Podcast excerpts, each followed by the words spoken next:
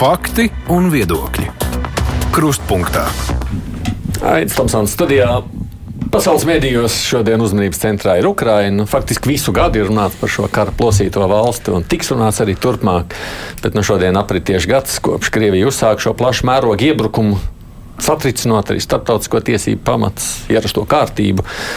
Līdz šim Krievija nu, savu agresiju bija maskējusi. Nu, tagad tas notika viss ļoti brutāli atklāti, un gads rietumu pasaulē ir nesis pamatīgas pārmaiņas.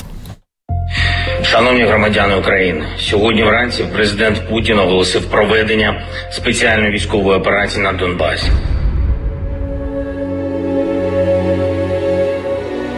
Divdesmit ceturtais februāris. Gads kopš kara Ukrainā. Mēs nedēļas garumā esam runājuši gan par sociāliem satricinājumiem, gan sankcijām, ekonomiskiem izaicinājumiem. Mēs arī pievērsāmies militāriem notikumiem, kara laukā un politiskajām aizkulisēm.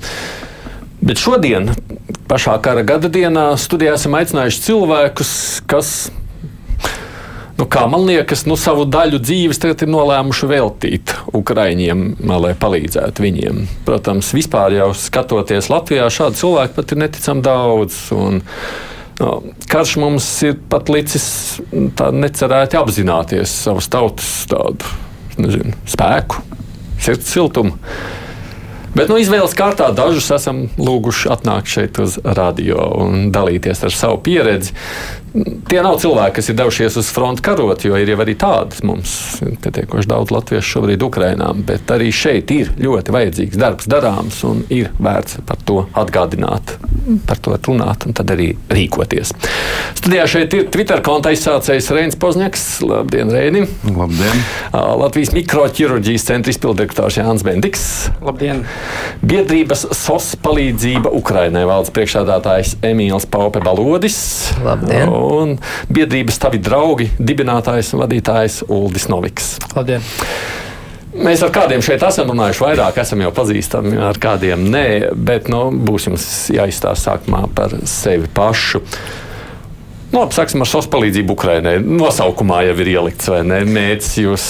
Jā, patiesībā Um, plaši zināmais mūsu nosaukums ir SOS palīdzība Ukraiņas armijai. Bet uh, 2015. gadā, tad, kad mēs izlēmām dibināt biedrību, mums šāds nosaukums tika atteikts, jo tas nevar būt biedrības mērķis. Tad mēs kā, uztaisījām variāciju, ka mm. ir SOS palīdzība Ukraiņai ļoti plašā kontekstā. Bet uh, tas arī. Tas Bet, arī... kad Google iemet šo nosaukumu, tas armijai nāk klāt. Es jau nu, ļoti labi. Tad, tad ir labs, labs uh, mārketings un, un, un viss ir kārtībā. Bet uh, tieši ar to mēs arī nodarbojamies. 2014. gadā neformāli sanāc, sanācām cilvēku grupa kopā. Aizsācēji oriģinālie ir citi, es pievienojos nedaudz vēlāk, mm. bet tieši tā arī ir doma galvenā tieši karavīriem. Un, un sākotnēji, tad, kad bija šī Donbasā ATO tā sauktā, tad, protams, tur bija ļoti arī kā jau jebkurā krīzes situācijā liels bardaks, un mēs arī nofokusējamies uz grupējumiem, kas ir ļoti mazapgādāti un kur tiešām ir brīvprātīgie bataljoni, kas tajā brīdī formējās praktiski turpat uz Maidana laukuma kuriem bija ļoti vāja apgāde. Un, un skaidrs bija, ka tur ir vajadzīgas tehnoloģijas, un īstenībā tajā laikā daudz ejošāk bija zābaki, formas. Vienkārši burtiski apģērbs, adekvāts karošanai. Šobrīd jau mums ir vairāk kā, to, ko prasa, ir, protams, mobilitāte. Tas, tas, ko arī Reinis noteikti zina, tas ir lielā topā, bet jau advancētākas lietas ļoti fokusējamies uz termokamerām, piemēram, droniem, planšetēm ierīcēm, kas, kas, ir, kas ļoti ātri patērējas arī frontē. Un, un Šobrīd jau mazāks uzsvars varbūt ir, kad, kad neprasa tieši tur gluži drēbes, burtiski atsevišķi, bet tas arī ir bieži vien ziema, ziemas laikā. Vienkārši vajag kādu apģērbu, tad mēs nosponsorējam. Kā, un strādājam, principā, ir tiešie kontakti ar, ar šīm vienībām, un, un tad at, attiecīgi apkopējam vajadzības, tad, kad savācās, tad, tad aizvedam.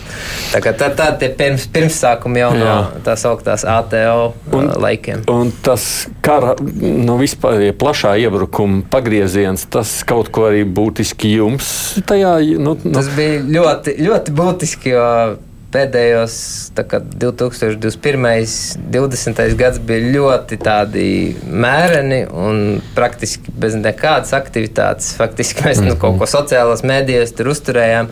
Kaut kādu akciju mēģinājām palaist, dažas pat nesavācām. Tur, teiksim, ko, nu, nopērkam termokameru, bet beigās tur nu, kaut kāda trešdaļa varbūt saziedo, nu tad neko. Bet uh, īstenībā tas cilvēku cilvēki zināja, ko darīt. Un, principā, mums tur pirmajās dienās jau kaut kādi tur vairāk simti ziedojumi bija ienākuši.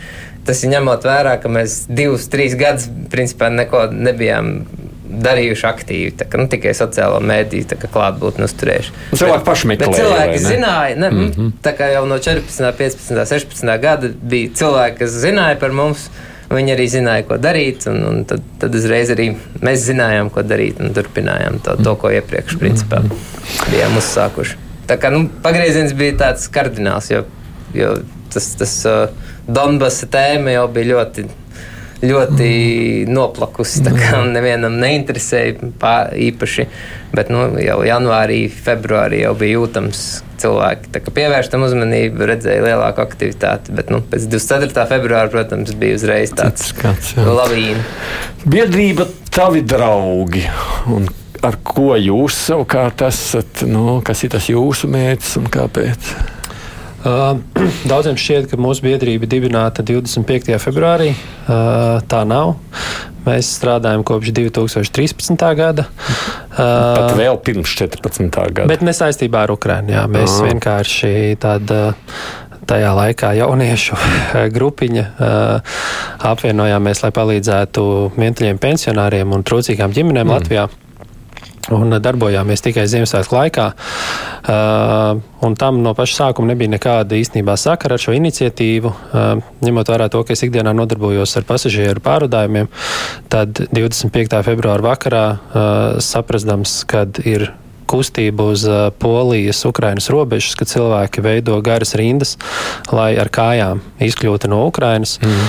Um, sapratu, ka ir jāorganizē transports pakaļ šiem cilvēkiem, un, un, un uzrunāju uzņēmumu šoferīšus, kuri uzreiz atsaucās, uh, naktī atsaucās, lai no rīta jau dotos ceļā un pavadīju mm, principā visu nakti no piekdienas uz sestdienu, no 25. uz 26. februāri. Pavadīju nakti sociālajos tīklos. Uh, iegūstot informāciju, komunicējot ar cilvēkiem. Un sapratu, ka ir diezgan daudz, uh, ir diezgan daudz latviešu, kuri ir gatavi braukt uz robežu. Tā īsti nesaprotot, ko tur darīt, bet uh, palīdzēt griboši mm. uh, un atbalstīt griboši bija gatavi doties. Un ir diezgan daudz cilvēku, kuri ir gatavi uh, nodot ziedojumus, lai šie šoferīši varētu viņus uh, aizvest. Un tad tur veidojās jau dažādas sārakstas un komentāri, kur, ko, kurš varētu savākt. Un, uh, Un sapratu, ka varbūt ir jāizveido tāds kā viens centrs, kur šie cilvēki varētu satikties. Tie, kas vēlas nodot ziedojumus, varētu šos ziedojumus nodot, un tie, kas vēlas doties uz Ukrajinu, varētu šos ziedojumus paņemt un doties tālāk.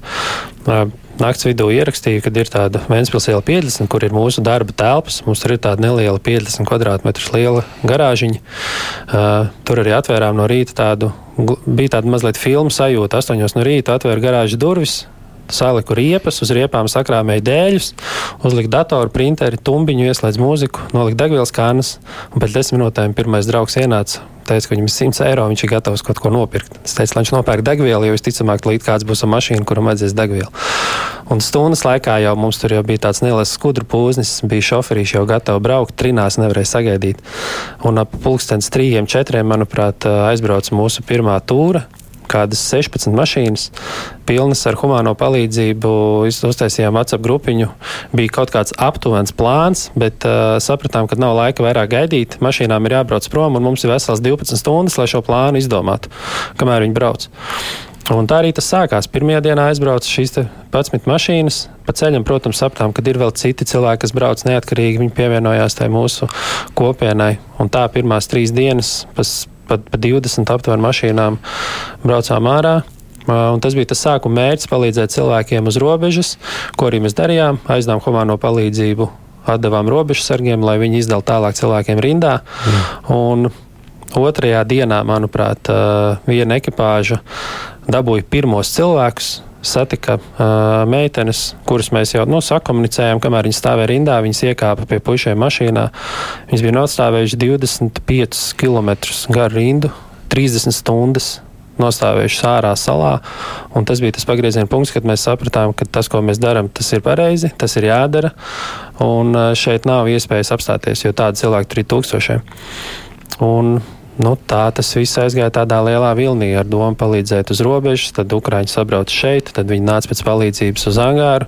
Tad mēs sapratām, ka daļa no mantām, ko mēs vedam uz Ukrānu, ir jādod tiem, kas ir atbraukuši šeit uz Latviju. Izveidojām tādu bezmaksas veikaliņu pie mums Angārā. Mm. Un, eh, un šobrīd, eh, nu, šobrīd dalām to uzmanību jā, starp, starp Ukrāņiem Latvijā un starp tiem, kas ir Ukrānā. Protams, ka saprotot, ka pamata vajadzība ir tur Ukrānā, bet cenšamies palīdzēt arī tiem, kas ir šeit Latvijā. Mm. Un kopš, kopš rudens esam izveidojuši arī paši savu tā saucamo frontes līniju uh, uz robežpunktos. Uh, Latvijas, Krievijas un Latvijas, Baltkrievijas robežpunktos. Tiem ukrāņiem, kas ar kājām šķērso šīs robežas, esam izveidojuši tādus palīdzības punktus, kur viņi Krievu, Krievu uh, Krievu pretekļu nom, nomocīti pāršķērso šo robežu un ir pārsaluši, pārguruši, nēduši ar izlādējušiem telefoniem vairākas stundas nostāvējuši, tad nu, dod viņiem iespēju sasildīties, pagulēt, paēst, sazināties ar savējiem un pateikt, ka viņi ir drošībā klausoties Reina, mazliet kaut kādas asociācijas man atmiņā no tā, ko jau jūs esat stāstījis vai savu laiku. Jā, bet atšķirībā no laikam, visiem eh, kolēģiem mēs esam pilnīgi diletanti un iesācēji sabiedrisko organizāciju dzīvē. Biedrības nav. nē, nē, biedrība ir, bet biedrība, laikam, nu, darbo, darboties mēs sākām 28. varētu teikt, februārī biedrība arī bija, jā, laikam, 10. martā. Mm uztapu, un tā nevienu brīdi nebija mūsu plāns vai mērķis kļūt par kaut kādu atbalsta organizāciju. Um, bet uh, nu, tā dzīvē gadās, jā, kad, kad tev ierauj, šis virpulis, jo tu vienkārši nevari to, nevari to nedarīt. Un, Protams, es absolūti nevarēju paredzēt to ārprātīgi milzīgo Latvijas uh, cilvēku atbalstu. Jo, jo arī, kad mēs sākām to darīt, es domāju, nu, kādu nedēļu, divas varbūt mēs kaut ko darīsim, pēc tam jau noteikti tas viss beigsies, bet, eh, bet atbalsts joprojām ir milzīgs. Arī šodien es redzu un, un, un jūtu to atbalstu gandrīz kā pirmajā dienā. Un tāpēc mēs arī turpinām to darīt mm, līdz uzvarai.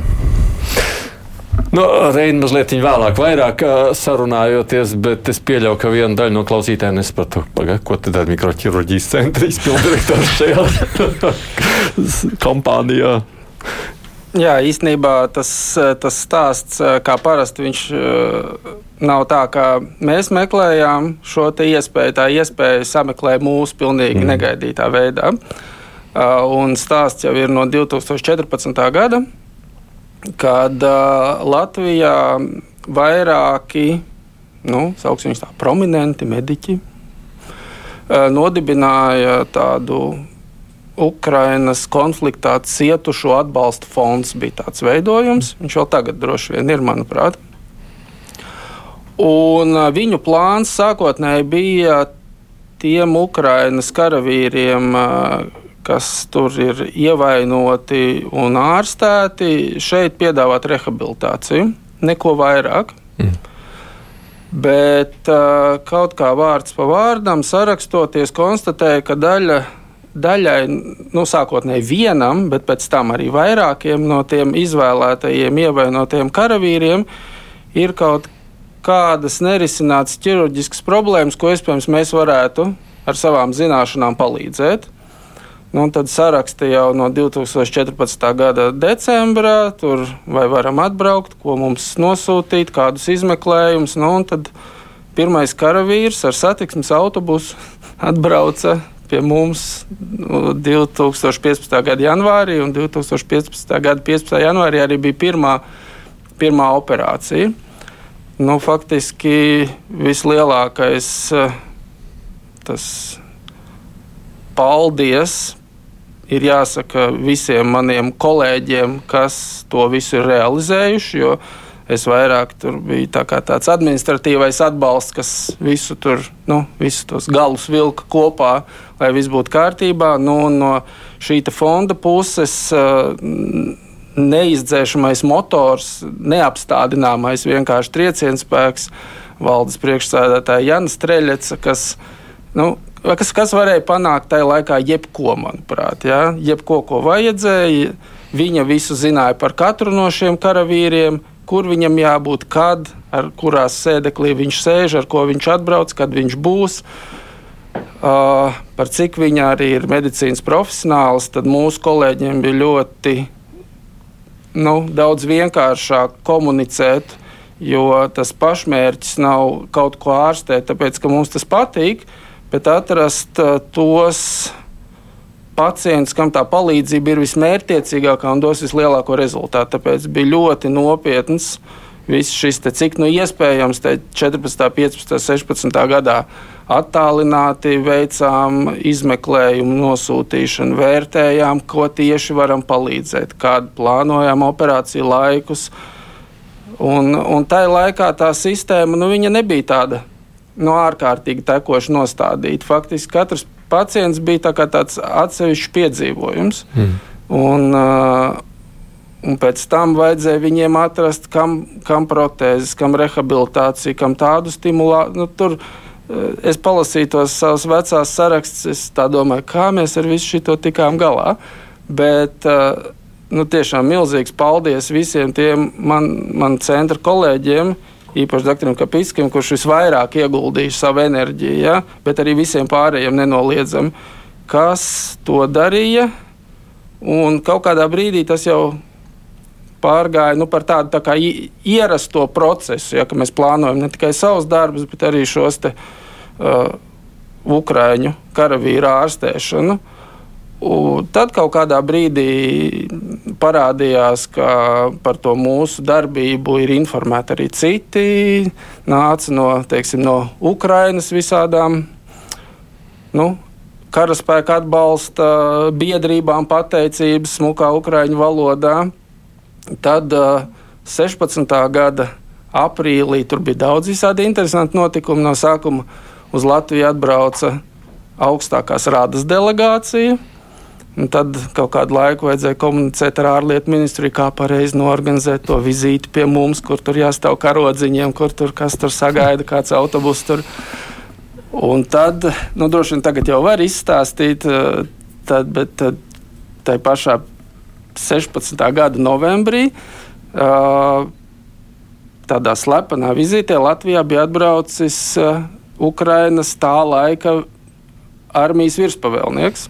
Mm. Un viņš arī kaut kā bija uzzinājis, ka, ka šie karavīri tur tieši pie mums ārstējās. Tad atkal bija ļoti jauka sadarbība ar mūsu šo te militāro policiju, kas tajā rītā pirms tās viņa vizītes atbrauca ļoti pieklājīgi.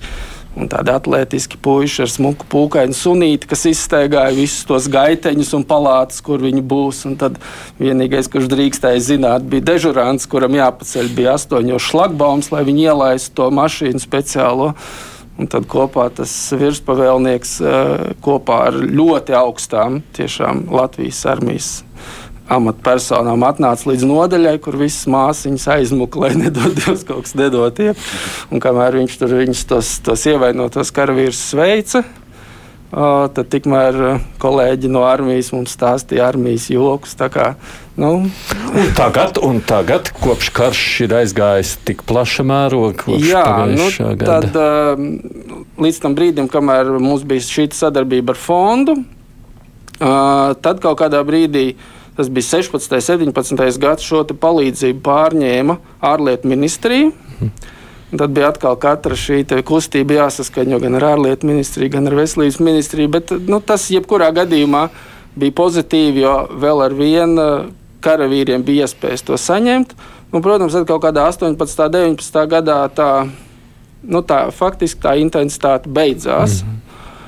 Un tad mēs no jauna par uh, par šo jau tā kā nedaudz aizmirsto situāciju uzzinājām nu, 24.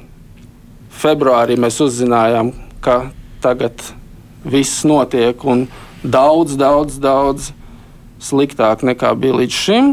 Un tad, uh, nu, patreizajā brīdī šo palīdzības sniegšanu, uh, nu, kurai centralizēti, mhm. tā tad ir. Jo tas noteikti ir saistīts ar visām šīm kara laika visiem ierobežojumiem, kas attiecās uz Ukraiņas karavīriem. Ja? Tur nevar tā, ka katrs var braukt, kur grib un kā grib. Mm. Tad katrs. Un kas finansē?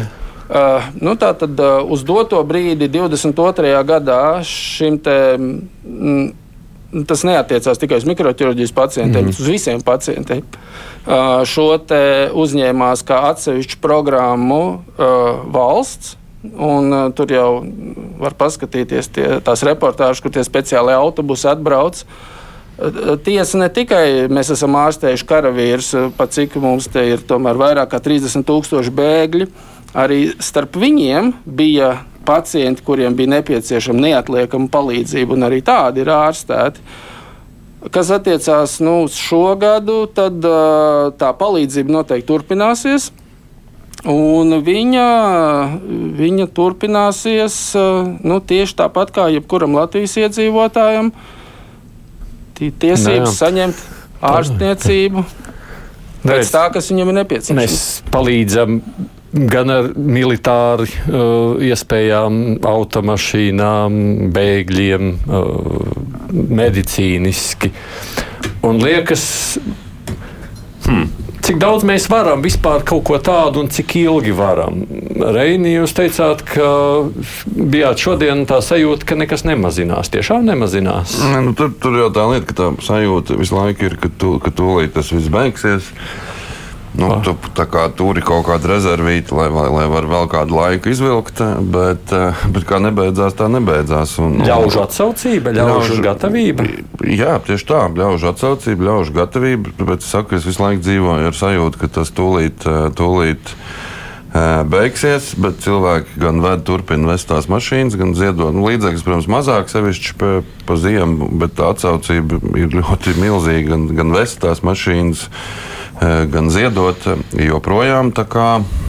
Un pašam pietiek re, re, resursu, nu, es domāju, savu nu, iekšējo emocionālo nu, enerģiju. Tu esi tādā bišķi, bišķi, varbūt maratona režīmā, un arī maratonos droši vien ir kāpumi un kritumi spēka kaut kādām sajūtām. Un, un, jā, tāpēc es teicu, ka šodien pie brīvības pieminiekļa bija ļoti pārsteigts par sevi, jo likās, ka nav vairs eh, spēka pat kaut kādas emocijas just, nu, ka tas ir notrūlinājies. Bet tur es atkal guvu tādu lādiņu, gan arī kā pirmajā dienā. Nu, protams, ka nav, nav viegli. Nu, visiem ir grūti, bet, bet viņiem noteikti ir daudz grūtāk nekā mums.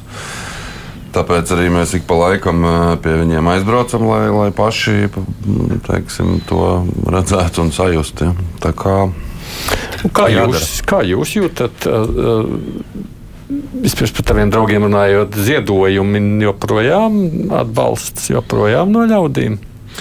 Um, nu, līdzīgi kā, kā Reinis minēja, ir, tas viss ir tiešām ar tādiem viļņiem. Uh, atbalsts joprojām ir. Uh, es arī esmu pārsteigts, tiešām uh, patīkami pārsteigts. Es vienmēr esmu zinājis, ka mēs spējam savākties tad, kad. Mm, tad, kad ir kāda lielāka nelaime, tad uh, latvieši spēj sadoties rokās un, un kopīgi to problēmu atrisināt. Lai gan ikdienā uh, mums ar to komunikācija iet tā kā iet, mm. bet, uh, bet, bet šajā gadā tas. Tas nebija tāds viens maziņš bums. Skaidrs, ka pats sākums bija daudz izteikti lielāks. Tas atbalsts bija tāds, man gribētu teikt, pat mazliet nu, pozitīvi vājprātīgs. Tiešām cilvēki bija gatavi savu vienīgo mašīnu, vienīgo rezerves ģeneratoru un, uh, un tur pusi no savas nopelnītās naudas atdot. Cilvēki tiešām ļoti pašaizliedzīgi ziedoja. Uh, tas ir nomierinājies, normalizējies, bet atbalsts uh, turpina būt gan Gan cilvēki ziedo mantas, drēbes, gan cilvēki ziedo līdzekļus, lai, lai būtu iespējams šo visu darīt. Gan cilvēki gatavi nāk kā brīvprātīgie, gan braukt uz Ukrajinu, gan darboties noliktavā, un tas atbalsts nepazūd. Un jūs paši nepagustat? Nē, vispār. No kā mēs varētu nogurt? Protams, kad, tad, kad te uzdod jautājumu par kaut kādu katru nākamo uh, projektu vai, uh, vai, vai pat nezinu, kā to nosaukt problēmu, tad nu, mēs, mēs esam tāda aptuveni 15 cilvēku liela koordinācijas komanda, kas to vada. Un, un kad tiek uzlikt jauna problēma galdā, un, un es uzdodu jautājumu, nu, vai mēs varam šo, vai mēs šo varēsim izdarīt, atbildi ir nē. Nu, kad sākam? Jo nu, mēs saprotam, ka visi ir pārguruši, un mēs neskaitāmas naktis esam pavadījuši tur uz divāniem un angāros un starp kastēm. Un, bet, bet nu, Te nav atkāpšanās ceļa. Es jūtu, ka vis, gan mūsu komandai izteikti un ļoti lielai daļai Latvijas iedzīvotāju un šeit esošiem kungiem tas ir mūsu karš. Es tā jūtos. Man līdz 24. februārim es pazinu vienu cilvēku no Ukrainas, un man ar Ukrainu emocionāli bija vispār nekādas uh, sasaistes. Bet šobrīd uh, es jūtos kā, kā kara dalībnieks. Nu, man nav tādas domas nogurt, ne pārtraukt to darīt, aiziet kaut kādā ikdienas dzīvē. Es to vispār nevaru iedomāties līdz uzvarai. Tur ir nav variantu kad eh, man tā sanāca, ka man pagājušā gada nogalē bija iespēja būt vienā tādā, nu, tādā ļaužu kopienā, kur aizgāja diskusija. Toreiz tika vākta nauda uh, tam Turcijā ražotajam Bairaktaram. Un tajā diskusijā izvērtās, sadalījās divas, tā, tā sabiedrība sadalījās divās daļās. Viena teica, jā, jā, es jau novalsu, noziedoju, un otra teica, ne, iero, ieročiem gan ne. Citam jā, bet ieročiem nē. Cik jūs jūtat šo skepsi tieši par ieročiem? Nu, ieročus mēs, protams, nesūtām, nevaram sūtīt. mēs aprobežojamies. Bet tajā brīdī, kad skan Ukraiņas armijai, Jo, nu, kā mēs runājām, nu, tas, tas ir skaidrs ziedotāju lokus. Ir, mums ir skaidrs mērķis. Mēs sniedzam atbalstu tieši tiem, kas palīdz lēnām iznīcināt Krievijas nu, jā. armiju. Pavisam vienkārši. Nu, var, varētu drīkstēt sūtīt ieroči, sūtīt arī ieroči, bet mēs aprobežojamies ar visu citu, kas var palīdzēt detektēt. Eh, preven, preventīvi līdzekļi, komforts un tā tālāk. Es gribētu teikt, jums ir specifiska ziedotāju daļa. Es domāju, ka jā, tas ir, kā, ir ļoti skaidrs, ko mēs darām. Un tie cilvēki, kas izvēlas ziedot mums, es pieņemu, nu, viņi, viņi apzinās, ka tas aizies lielākoties tieši karavīriem mm. rokās. Tāpēc arī viņi iespējams izvēlās mūs. Protams, ir, ir reizes, ka mēs teiksim, palīdzam kara hospitāļiem, jo ja atnāk kaut kāda konkrēta vajadzība, tad, protams, nav tā, ka mēs sakām, nē, hospitāļi nav mūsu joma, mēs tikai mm. karavīriem. Bet, ir arī kaut kādas mm, ne, nelielas nianses, bet, bet tas pamat, pamatmērķis ir, ir tieši karavīriem. Es domāju, ka Varbūt kaut kāda daļa no ziedotājiem tas, tas attur, bet nu, tas nav mūsu mērķa auditorija. Nu, un, un tas ziedotāju apjoms nu, nerūk? Ir, ir redzams, ka ir liels, liela grupa, kas ir tādi patstāvīgie, kas ir burtiski uzlikuši ikmēneša maksājumu. Tā, tāds ir, ir tāds pamat, pamatloks, un tad ir uh, dažādi uzrādās pēkšņi, piemēram, privātpersonas vai uzņēmumi, kas kaut kādu lielu summu noziedo un palīdz, piemēram, nu, tur par vairākiem tūkstošiem gadu ģeneratoru iegādāties. Vienkārši viens cilvēks. Nu, tādi, tādi vairāk tā kā, izņēmuma gadījumi. Bet uh, aktivitātes, domāju, nu, nevar salīdzināt, protams, ar februāri, martu. Uh, tas ir normalizējies, bet nu, es teiktu, ir tāda pastāvīga. Nu, galvenais, galvenais to saglabāt līdz, līdz pēdējais uh, Krievijas karas, karavīrs pamet Ukrainu. Nu, pirms es da, nē, to jautājumu uzdošu, man ir vēl viens jautājums, es uzdošu mazliet vēlāk. Es tajā brīdī, kad mums te ļauts zvanīt brīvajā mikrofonā, jūs ienācāt, pirms tam bija brīvais mikrofons. Reizēm piezvan kādi ļaudis, arī uzrakst un saka, Jā, tur tikai Ukrāņiem, jūs tikai Ukrāņiem, mums pašiem taču ir nabadzība, mums pašiem vajag, mums nav kas mums palīdz, jūs tikai Ukrāņiem. Un es par šo arī aizdomājos, ir īpaši tādā medicīniskā jomā, kurā mēs sakām, redz, mums veselības aprūpē ir krīze, tur naudas nepietiek. Vai jūs Ukraiņiem? Nu, tas ir jautājums veselam raidījumam, protams. Jā. Nu, man šķiet, ka patiesībā nē. tāpēc, kad, tāpēc, ka, ja, ja šobrīd nebūs Ukrāņiem, un Ukrāņi neuzvarēs, tad mums Nu, neko nevajadzēs nevajadzēs. vairāk. Ja? Un tur ir diezgan tā situācija vienkārša. Bet, eh, Protams, es ceru, ka jau, eh, nav jau tā, ka viss aiziet Ukraiņai. Nu, ir jau cilvēki joprojām, kas ziedo arī, arī Latvijā slimniekiem, eh, dažādām vajadzībām, nu, atbalstam trūcīgiem. Nav jau tā, ka viss Latvijā pārējais būtu apstājies. Tie, tas tāds mīts, protams, ka viss šodien ir uzmanība uz, uz Ukraiņu. Bet, ja es nemaldos, ziedot LV, tas teica, ka nemaz tik būtiski nu, nav tā, ka vietējiem būtu sarucis, jā, ka pārējiem būtu sarucis. Ir vienkārši klāt nākusi uh, arī Ukraiņa, bet vienkārši es arī papildinātu par to tiem mērogiem. Nu, kā ir tie ziedojumi šobrīd kritušies? Jums arī tajās pirmajās nedēļās mēs vedām 40 mašīnas nedēļā. Kad, kad pirmo mēnesi, pusotru mēs vedām 40 mašīnas nedēļā, divreiz nedēļā. Mm -hmm. Uh, un tad šobrīd mēs esam sapratuši, ka tā, tā ziedojumu plūsma un arī mūsu kapacitāte, lai, lai varētu to darīt kaut kādu ilgu laika periodu, ir nu, 15, 16 mašīnas nedēļā. Ja? Un tā tas arī līmenis ir nostabilizējies. Protams, ir izņēmumi, kad arī šobrīd tur šādi pa 20 pāri aiziet, šādi atkal pa 4. Ja? Bet vidēji tās ir tās 15, 16 mašīnas nedēļā, tas līmenis ir ļoti stabils, kas tādu apjomu arī, arī var nodrošināt ja, ar regulāriem ziedojumiem. Uh, jā, bet es pie doktoriem tomēr atgriežoties. Jums jau arī kādreiz, es nezinu, jums tā nerodas pašiem dilemma. Nē, dilēma noteikti nerodās, ā, jo skaidrs ā, jau ir viens, ka neviens ā, Latvijas pacients, kam ir nepieciešama neatliekama palīdzība, bez tās nepaliks. Nu, tāds, tas vispār nav iespējams. Ā, Tas viss, ko mēs darām, notiek faktiski uz, uz mūsu personāla iekšējām rezervēm, kas, ā, kas arī nu, nedzīvo nekādā mucā. Viņi ap, no, atraut no pasaules. Viņi jau zina, ka, kas notiek, ka tas ir karš un ka tie cilvēki karo par mums. Un galu galā, ja mēs palasām ministrijas teiksim, plānoto palīdzības sniegšanu, šogad ir 120 dažādu profilu pacienti. Ja? Tas nozīmē, ka katrā teiksim, atsevišķā nozarē tie varbūt ir 10, varbūt 15. Ja?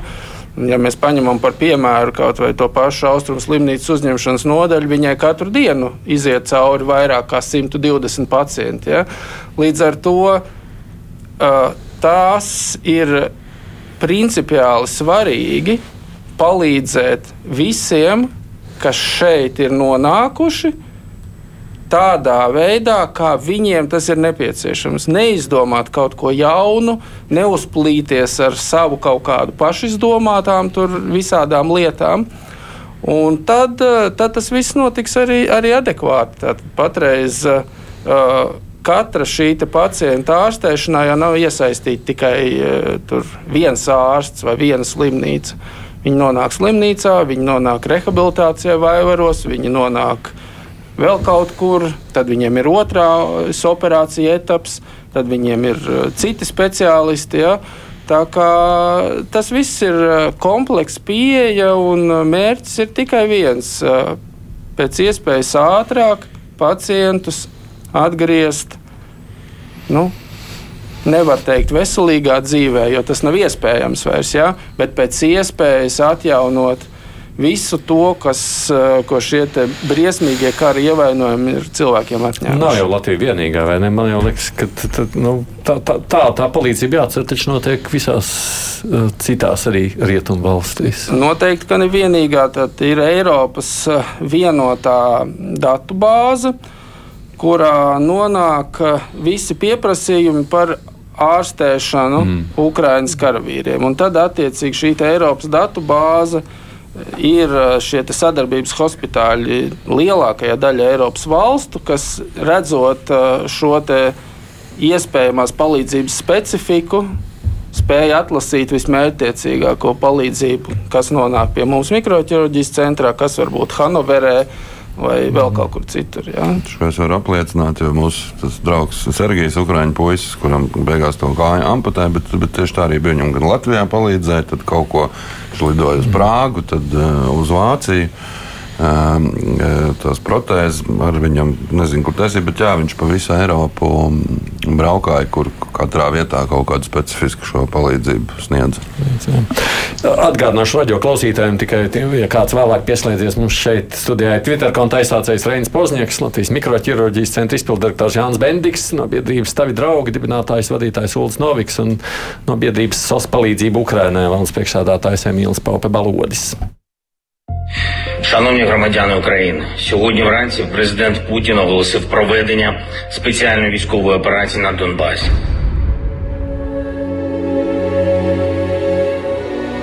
Divdesmit ceturtais februāris.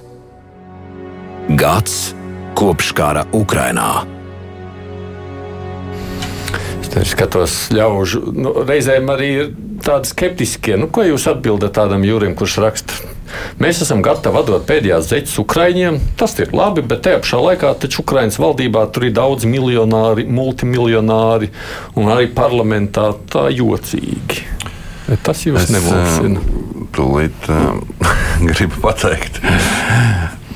Nu, skaidrs, ka Ukraiņas parlamentā un, un tāpat kā visos citos parlamentos ir oligarhi vai vēl nezinu kas, kurš, kuri kaut ko varētu darīt vairāk, bet mēs eh, palīdzam nevis Ukraiņas parlamentam, bet Ukraiņas tautai aizstāvēt eh, savu un, un, un, un mūsu zemi. Protams, ka Ukraiņa nav eh, tur viss skaisti un rožaini. Eh, Gan ar korupciju, gan ar, gan ar oligarhiem, bet ar to viņi tiks galā paši. Viņi to ir sapratuši, ka ar to ir jātiek galā un sāk ar to uh, tikt galā. Mm, Bet šobrīd mums ir svarīgi palīdzēt tieši Ukraiņas tautai, jo karo jau ne jau tikai parlaments un, un armija, bet tur karo visa tauta. Un tie mēs arī palīdzam ar savu parlamentu un oligarhiem. Viņi noteikti tiks galā. Ja šis ir tāds arguments, ko bieži nu, mēs kā nu, argumentiem, kāpēc es nepalīdzēšu, nu, tur taču ir piedod. Mēs arī par Latviju reizēm sakām, nu, mēs Latvijā nekad, nekad nu, mēs neaizstāvētu Latviju, jo te mums taču ir visādi oligārhi un kam mums ir politiķi un smadziņas kalotāji. par to, kā, kā tur ar Latviju iepriekšējais jautājums, ko minējāt. Tas, tas īstenībā ir uh, informācijas manipulācijas metode, ka tiek novērsta uzmanība no pamattēmas. Nu, mums ir mērķis palīdzēt Ukraiņai, tad mēs to darām. Nav svarīgi, uh, kā, kāds ir. uh, Netiek apspriest šobrīd Latvijas situācija, jo mēs darām to, ko mēs darām. Un, un, un viss, un tā kā minēja, ne, netiek jau kaut kas īstenībā noņemts. Tas rada ilūziju, ka Latvijā kaut kas tiek atņemts. Tas ir nācis klāts pa virsmu, tas, ko cilvēki labprātīgi Vajag ziedot man labāk. Tā tā doma ir. Uh, nu jā, vienkārši jāapzinās jau tā situācija. Un, uh, tas, ko pirms tam kungi minēja, ka, nu, ja mēs nepalīdzēsim primāri šiem karavīriem, šiem īstiem varoņiem, es gribētu teikt, jā, tad, uh, tad to palīdzību nu, varbūt pēc tam tiešām pēc kāda laika nevienam nevajadzēs. Un tas tāpat ir uh, arī ar, ar humāno palīdzību. Nu, Makrons sūtīti labi, bet, ja mēs džekiem neiedosim, ar ko šaut un vestes uzvilkt mugurā, tad tos makaronus nebūs kam vēst. Un tas vienkārši aiziet tādā prioritāšu skalā, manuprāt. Un, Nav jau vērts klausīties nu, tādos pārmetumos, jo tie pārmetumi būs vienmēr. Mēs arī varētu atdot visu pēdējo latviešiem, un tāpat vienmēr būs pa maz, kā priekš kāda. Un es gribētu teikt, tas, ko es izjūtu savā ikdienā, cilvēki vienkārši atsakās no sava dzīves komforta. Cilvēki ierobežo savu komfortu. Šobrīd ļoti daudz ir tādi, kas, ja viņš ikdienā četras reizes gadā uh, lido atpūsties, tad viņš tagad lido divreiz. Ja viņš, piemēram, katru otro gadu pērk jaunu automašīnu, tad iespējams viņš vienu gadu izlaidīs un uh, vienkārši ierobežo savu dzīves komfortu.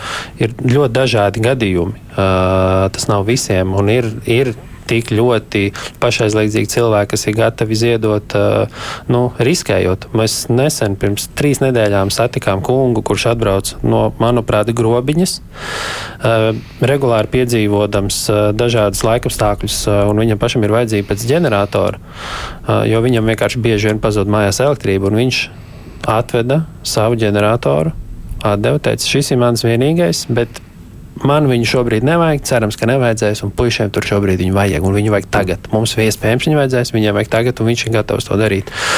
Un tādi cilvēki jau mūs visus šeit uh, motivē un iedod to benzīnu un, uh, un palīdz mums nenogurt un strādāt.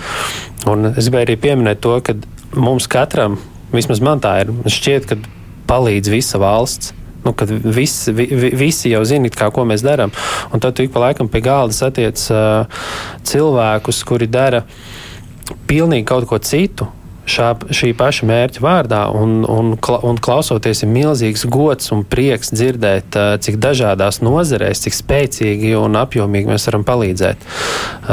Nodrošinot karavīriem aprīkojumu, pat ja mēs nevaram viņiem iedot ieročus, viņiem tik tāpat vajag daudz ko. Viņi nevar šortos skraidīt ar automātiem, viņiem ir vajadzīgs apģērbs. Ja viņus ievaino, mums ir brigādes, kas viņus velk tās lodes no viņiem ārā un šuj viņus kopā.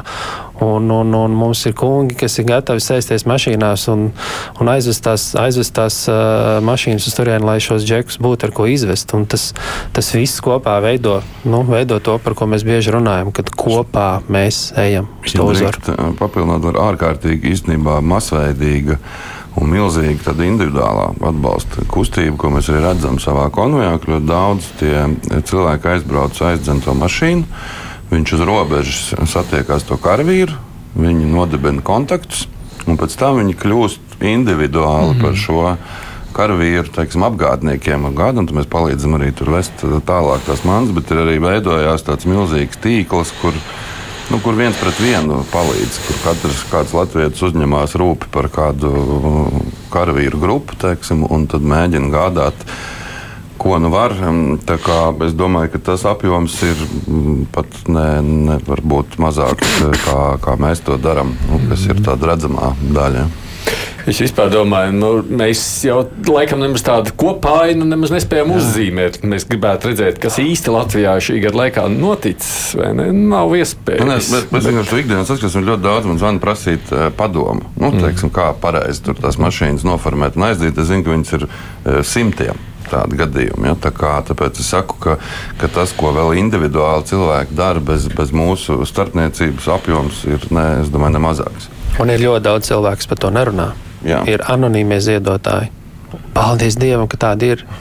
Es, es, mm. es ļoti lepojos tādiem cilvēkiem. Man ir milzīgs gods un cieņa pret tādiem cilvēkiem, kas ziedo anonīmi. Nevis kas nu, grib nofotografēties ar katru aizvest to kastīti, bet, bet kas aizved mašīnu pilnu ar vajadzīgām, vērtīgām lietām, un par to zina tikai tas ziedojuma saņēmējs. Bet arī nofotografēties ir labi un vajag. Nē, protams, tas iedvesmo varbūt pavēlēt līdzi citus. Jā. Protams. Tajās pēdējās nepilnās 15 minūtēs, kas man ir palikušas šeit, tad es um, domāju par nākotni. Jo, nu, jūs teicāt, redz, gads, jā, kaut kas iegājis uz sliedēm, kaut kas ir izveidojies kā tāds, nu, nu, izveidojusies kā sistēma. Uh, no otras puses, nu, jā, gribas jau, kad kāda nu, iestājas taču pagurums un gribas, ka tas kaut kad beigtos. Bet, uh, Nu, tā ļoti liels optimisms skatoties uz politiskajiem procesiem nav. Nu, man kā reiz es tā nevarētu teikt, es savas galvā neskapēc izdomājis, ka kaut kad, eh, nu, respektīvi, kaut kādam lielam lūzuma punktam ir jābūt eh, kaut kad eh, šogad. Pa, šogad jā, jo arī vienkārši redzot pēc tā. Tā Ukraina, manuprāt, tāds iespējas, ko ar viņiem runājot, ka tur ir arī armija un tā fronte divās daļās. Ir, ir tā kaujas līnija, kas ir šobrīd, kuras uzdevums ir, ir, ir noturēt. Cik nu var noturēt, tas ārkārtīgi dārgi šobrīd maksā, jo tas spiediens ir milzīgs un ir ļoti liela zaudējuma. Un, kad runā ar tiem cilvēkiem, tur, protams, tur ir tas nu, ir sagurums un ir, ir grūti. Un, un nav tādas rožainas perspektīvas. Savukārt, pārējā Ukrainā un, un ļoti daudz kur Eiropā ir milzīgs daudzums ar, ar ukrāņu karavīriem, kas kaut kam gatavojās ļoti mērķtiecīgi, pārdomāti un ar, ar pārliecību. Un, e, es domāju, ka tā tas apmēram tur ir, ka šobrīd ir uzdevums noturēt šo līniju e, maksimāli nemainīgu. Savukārt kaut kur fonā notiek ļoti pārdomāta, plānveidīga gatavošanās, un es domāju, ka vienā dienā vienkārši tas viss aizies uz priekšu. un, un kaut kāds lūzums notiks. Ko citu, cik optimists par, par, par lūzumu punktu? Man, man šķiet arī, ka tam visdrīzāk jābūt īpaši pēdējā brīža politikas. Politiskā situācija diezgan krasi pamainījusies uz, uz labo pusi. Tas, tas ir laba indikācija, bet atgriežoties par nogurumu. Jā, nu, karavīri arī nogurst. Jā, es tieši gribēju teikt, ka nevar salīdzināt, cik mēs varbūt esam noguruši salīdzinot ar kādu, nu, kurš jā. Divas diennakts ir artilērijas apšaudē. Redz, sēž ierakumā. Nu, tas nav vienkārši salīdzināms. Viss ir jāieliek kaut kādā perspektīvā. Jūs sakāt, ka mēs varam turpināt droši, vai ne? Ka, kā tikai viņi turpina. Kamēr pēdējais karavīrs Krievijas vai nu būs beigts vai atstās robežas Ukraiņas. Kāds mums ir pesimistiskāks? Nu, varbūt uh, atraut no medicīnas, protams, jā. jā, mēs patreiz par to karu iznākumu. Uh, faktiski tās manas iekšējās bažas ir par to, ka uh, daļa to lēmumu tiek pieņemti kaut kādos nezināmos uh, kabinetos uh, par to, vai ko drīkst vai ko nedrīkst. Jā. Kādi tur speciālo aģentūru analītiķi saka, vai drīkst vinnēt Ukrainu vai nedrīkst. Tad mm. patreiz vismaz ir pieņemts lēmums, ka viņi nedrīkst zaudēt. Jā. Tas ir pirmais būtiskais pavērsiens.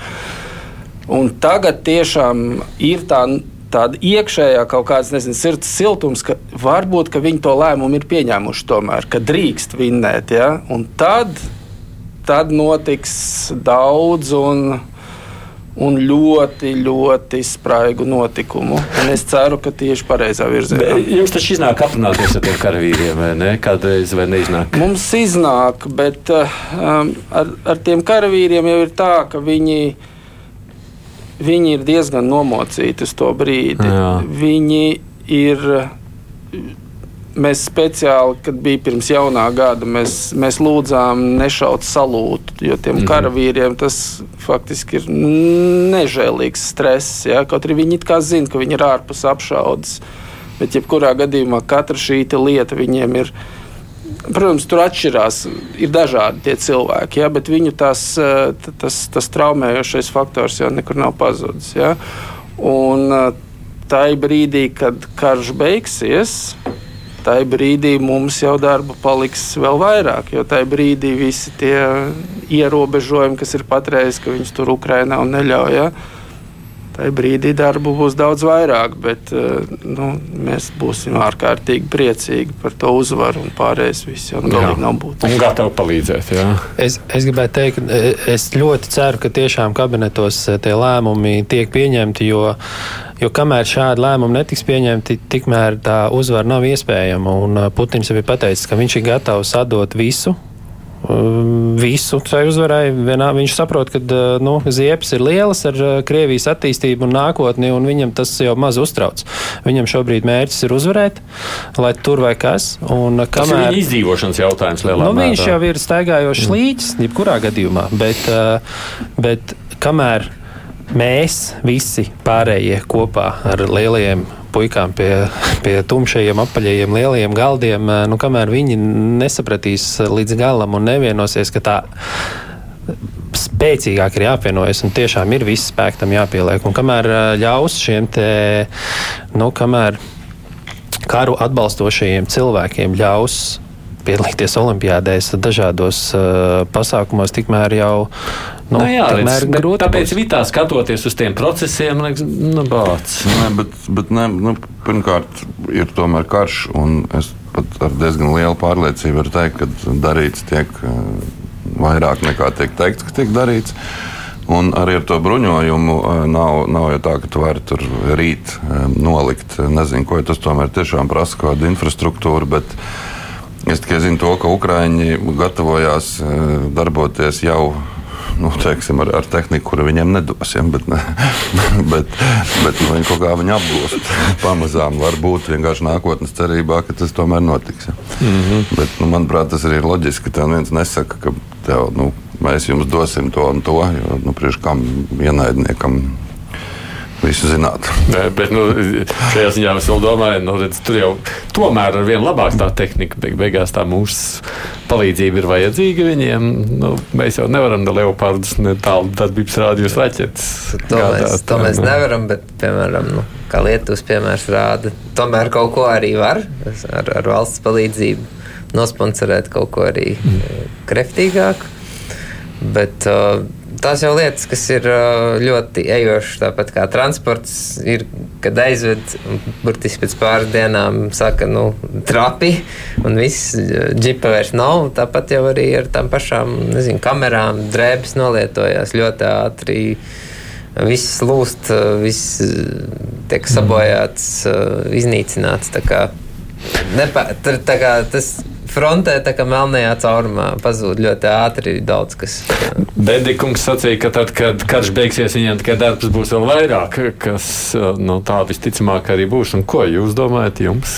Kas, ko, kas būs tad, ja karš beigsies? Kad karš beigsies? Nu, vispirms būs kārtīgi jā, jāatzīmē un jānosvin šis notikums. Tad arī izdomāsim noteikti ar kolēģiem, ko tālāk darīt. Nu, bet tur būs ko darīt, kā jums šķiet. Nu, uh, cerams, ka uh, viņiem būs jāmaina savs uh, profils, jā, jā. bet uh, mums noteikti būs ļoti daudz ko darīt. Nu, mēs, jau, mēs jau sen apakaļ sapratām, ka uh, mūsu darbs beigsies nevis tad, kad uh, karš beigsies, bet tad, kad uh, Ukraiņi varēs atgriezties savās mājās. Mm. Tas mājas jau tur nebūs vienai lielai daļai. No, uzbūvēsim. Par to ir stāsts. Kā jums šķiet, būs daudz, kas no Latvijas arī būs gatavi doties tur tiešām darīt, strādāt? Es domāju, ka jā, nu kāpēc, kāpēc lai nebūtu gatavi. Ja, bet, bet īstenībā, man liekas, ka Ukrainai vispār kā sabiedrība un arī valstī tie lielākie izaicinājumi kā reiz sāksies pēc uzvaras. Nu, tādā psiholoģiskā nozīmē, nu, tā ir skaitā, protams, protams, jā, jā, tur viss tā vadrīgi, nu, tur ir miljonus cilvēku, kas, nu, ir dzīvojuši karā, un, un tagad tev jāmeklē vieta normālā dzīvē. Tas ir diezgan sarežģīti. Ja?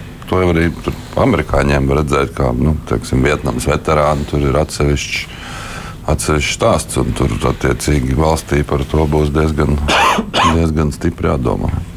Nu, tas ir tas, ko mēs arī varam darīt. Varbūt teikt, pat no psihologa vai doktora viedokļa, nepalīdzēt tikt pāri tādām nu, lietām. Nu, arī šī palīdzība, protams, es, es esmu pilnīgi pārliecināts, ka mūsu emocionālās veselības speciālisti ir ļoti labi sagatavoti, lai palīdzētu. Jo nu, šie pēctraumas stresa sindromi, viņi nu, nekur nav pazuduši. Un, ja viņi ir bijuši simts un cik gadus atpakaļ, tad kāpēc viņi nebūtu tagad? Jo mhm. tas tās, te jau iet kopā ne tikai tādas klasiskās kara šausmas, bet te jau ir faktiski. Nu, necilvēcība, neaprakstāma necilvēcība, kurai tu faktiski tas jautājums, ko tu sev nevari atbildēt, ir, kāpēc tas tieši notiek. Ja? Jo tam nav nekāda racionāla pamata. Ja? Ka, kāpēc mm vienā dienā pēkšņi tā teikt, labākie draugi ir palikuši par ienaidniekiem? Un, diemžēl, kad tu pazīsti šās, šīs situācijas, ja, Tas ir, tas ir pašam sev grūti pieņemt. Jānis Bendiks ir Latvijas mikroķirurģijas centra izpildirektors. Ulvis Noviks vada biedrību Tavi draugi. Viņš ir tās biedrības dibinātājs, tāpat kā Emīls Paupe Balodas biedrības SOS palīdzību Ukrainai vada. Nu, un arī šeit bija mums Twitter konta aizsēcējs Reinis Poznieks. Paldies jums par to, ka atnācāt šodien domājot lūk šādās kategorijās. Producents kurspunktā Evi Junāms, studijā biju es, Aidis Tomsons.